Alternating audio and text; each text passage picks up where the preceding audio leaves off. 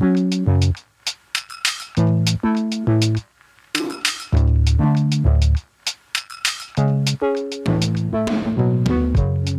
tjena hej. Dan Magnusson heter jag och jag har prostatacancer.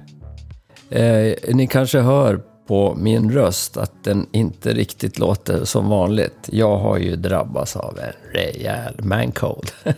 Så det ryker liksom två dagar här utav påsken då.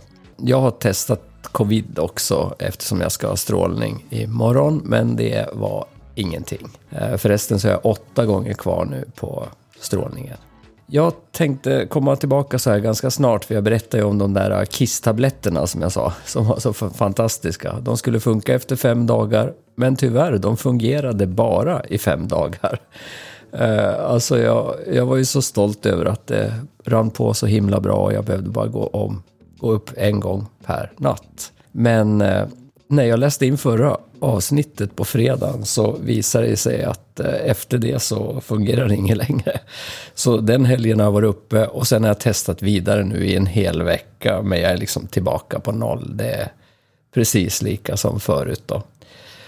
Eh, ja, så jag har väl, vad har jag gjort då? då? Jag har gått upp väldigt mycket på toaletten kan man säga. Så jag, jag har rikat ett par gånger men det tog ju faktiskt slut på engångskateter. Och eh, jag tror att jag ska få en ny leverans nu på torsdag. Så att, ja, det är väl bara att springa och pinka då. En liten upptäckt. Jag roddade tillbaka i mina eh, journaler. Och då kollade jag precis på det här med kisseriet. För jag sa att det var två och ett halvt år sedan. Det är ganska exakt tre år sedan. Så efter operationer och liknande så hade jag väldigt svårt att kissa. Och då fick jag exakt samma kisstabletter och då funkar de inte alls. Och man gjorde också en undersökning då, man gick in och kikade då genom urinröret och eh, blåsan och det står en del om prostatan också faktiskt, att den är liksom normal. Men inget PSA togs då, vilket är ju jävligt märkligt. Jag menar, det, är ju väldigt, det finns ju få markörer för att veta om man möjligen kan ha Eh, prostatacancer. Och här kommer jag då och söker för att jag har svårt att kissa, vilket är ju en av de mest naturliga. Och så tar man inget PSA. Jag tycker det är jättemärkligt.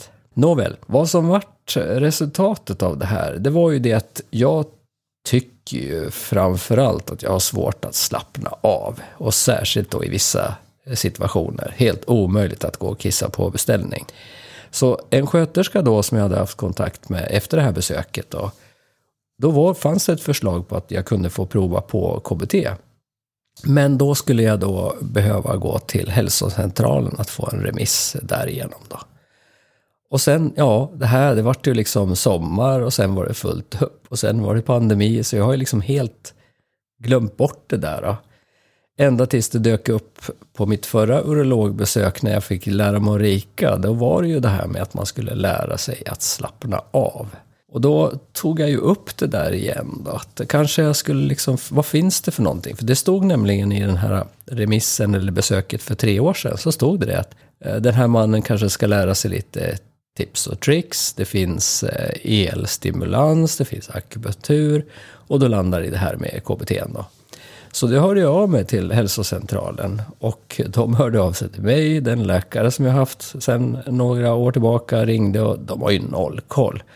De vet ju ingenting om det här. Så att, ja men då sa jag, då, då, då kollar jag vidare då, så det ringde jag, då, då kollar jag tillbaka till urologen. Kontaktsköterska som inte hade några förslag men sa att hälsocentralen ska du ju inte ta kontakt med. Utan du ska ju ta kontakt med onkologen. Du är ju hos oss nu, liksom inskriven då. Så då tänkte jag, ja, då blir det den kontaktsköterskan då. Och då fick jag veta att den, ja, onsdagar och fredagar fanns på plats. Och jag tänkte, jag tar det med strålning. Och då hade han påsklov, Micke, som han heter. Så förhoppningsvis då nästa vecka så, eh, eller den här veckan som kommer nu, att han hör av sig då. Så det är lite suck det där när man blir liksom hänvisad fram och tillbaka i vården. Det är liksom, finns ju inget helhetstänk, tycker jag i alla fall. Men som sagt var, det är värt liksom en, ett poddavsnitt i sig. Eh, ja, så att jag har väl, en natt är jag väl uppe sex, sju, åtta gånger säkert. Och så får jag väl åtminstone göra tills det, jag får in mer sådana här engångskateter. Och eh, sannolikt också så är det ju så här resten av strålningen och ett antal veckor efteråt och det kan ju bli ännu värre eller liksom ännu längre också. Det är ju ingen som vet såklart.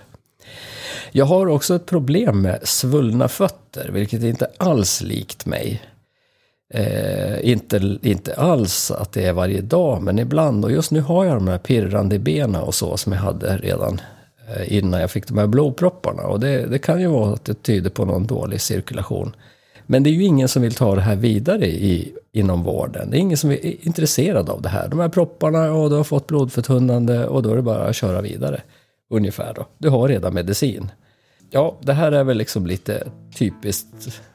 Det här är de dåliga sidorna utav vården tycker jag. Det är liksom hälsocentralen som har fullt upp med korta, snabba besök och sen är det specialister då som bara gör sin grej då. Ja, kommande vecka. Eh, strålning som sagt var. Förhoppningsvis hör kontaktsköterska mycket av sig och sen veckan därpå så är det ju sista veckan och också inplanerat ett eh, läkarbesök då. Så det ska bli intressant. Ja, och först ska jag tillfriskna. Så vi hörs. Hej då!